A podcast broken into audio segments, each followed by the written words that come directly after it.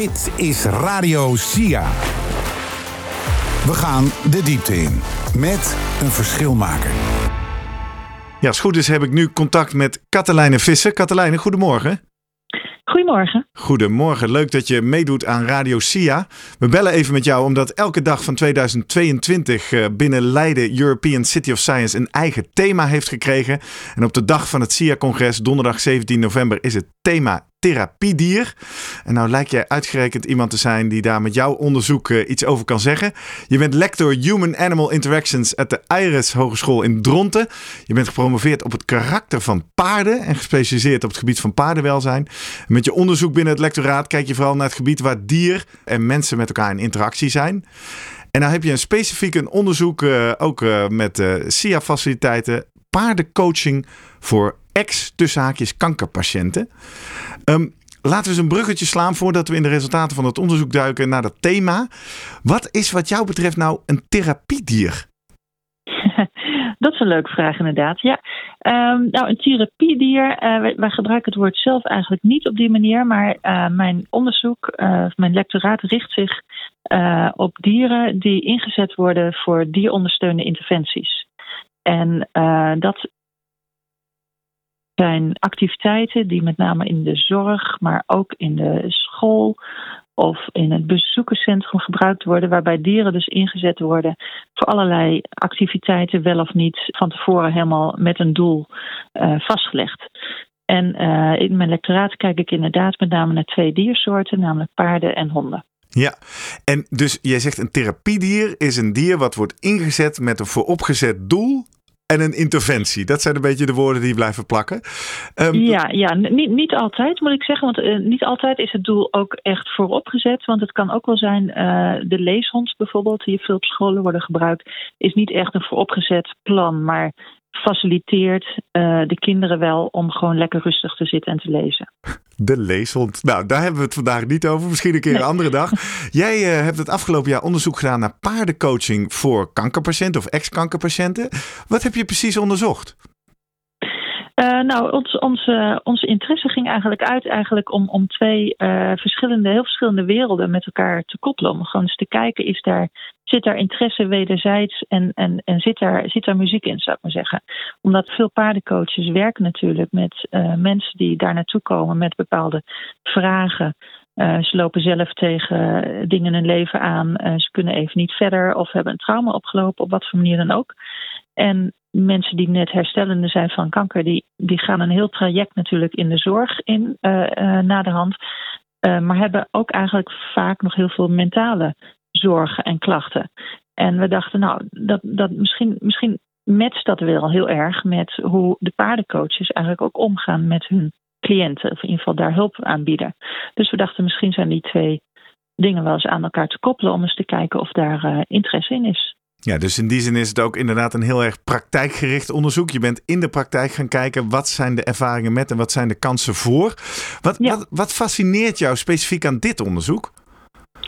Nou, omdat, je, omdat het, ja, het, het ligt dan heel erg uh, dicht bij je hart. Hè. Je wil aan de ene kant uh, vind je het fantastisch en, en, en zie je ook hoe, hoeveel een sessie met paardencoaching met de cliënt of met de coachie, zoals we dan zeggen, doet uh, voor de mensen.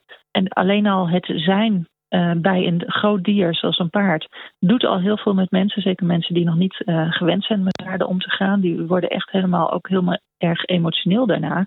Hoeveel effect dat eigenlijk op hun emoties heeft. En aan de andere kant, ja, je wil zo graag mensen natuurlijk herstellende van kanker helpen. Om de weg weer terug te vinden, om weer terug te gaan in die maatschappij en, en met alle zorgen. Ja, dus, dus het waren eigenlijk twee dingen waarvan je denkt, ja, ik hoop zo dat dat iets voor elkaar kan betekenen. Ja, want neem ons dus mee. Iemand die nog nooit bij paardencoaching is geweest. Uh, je zegt al, het richt zich vooral op het mentale aspect. Bijvoorbeeld in dit geval van uh, kanker of kankergenezing. Wat, wat, hoe ziet zo'n sessie eruit? Wat gebeurt daar? Ja, het kan heel verschillend zijn. Dat is, uh, dat, dat is het mooie en, en, en uh, van, van, het, van het werk. Maar het lastige om dat in het onderzoek te zetten, omdat het geen standaard pakket is eigenlijk wat je aanbiedt als paardencoach. Mm-hmm. Uh, maar de, uiteraard wordt er eerst kennis gemaakt met het paard. En, en ja, gaat de coach door middel van vragen te stellen uh, proberen te kijken waar, uh, waar de zorgen zitten, waar de emoties zitten, waar de pijn zit.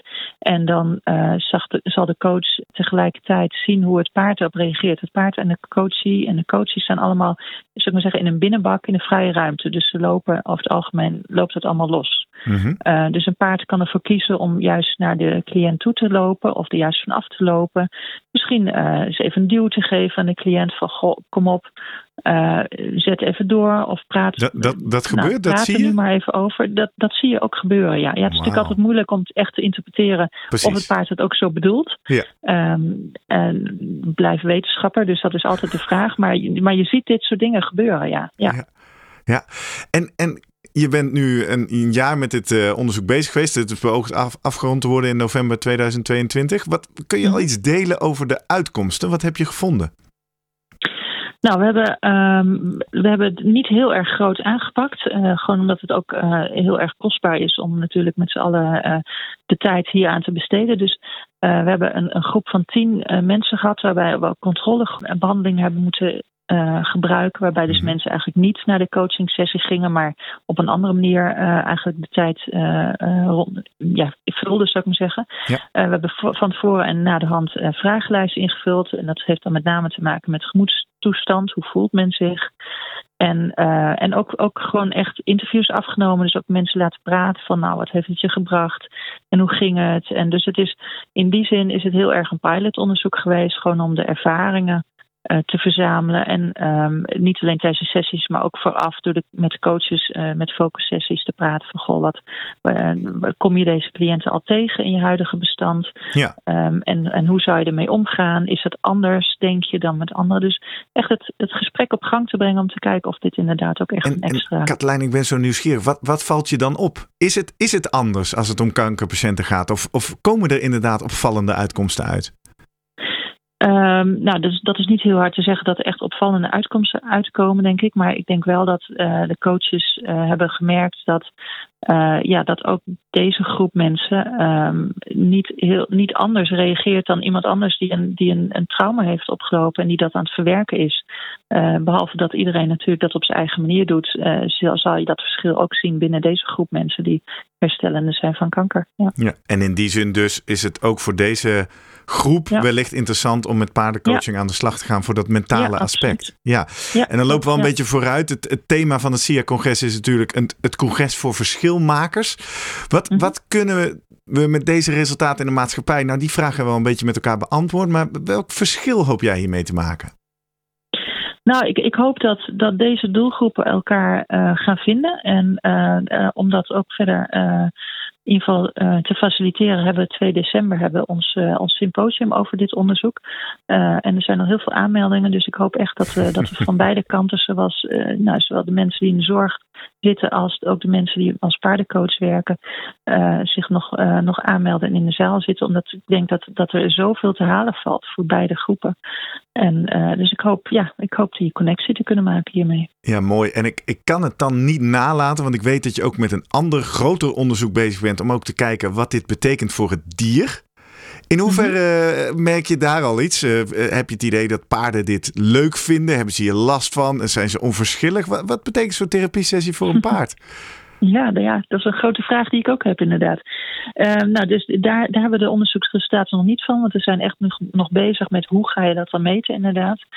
Uh, maar we zijn wel al uh, paardencoaches en ook therapeuten en instructeurs, want het gaat ook over het brede paard, al aan het opleiden en het trainen waar ze op moeten letten. Dus dat loopt al.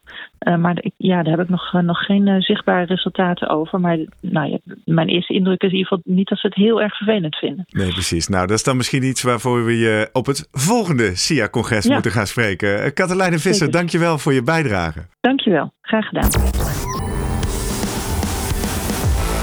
Radio SIA, radio voor verschilmakers.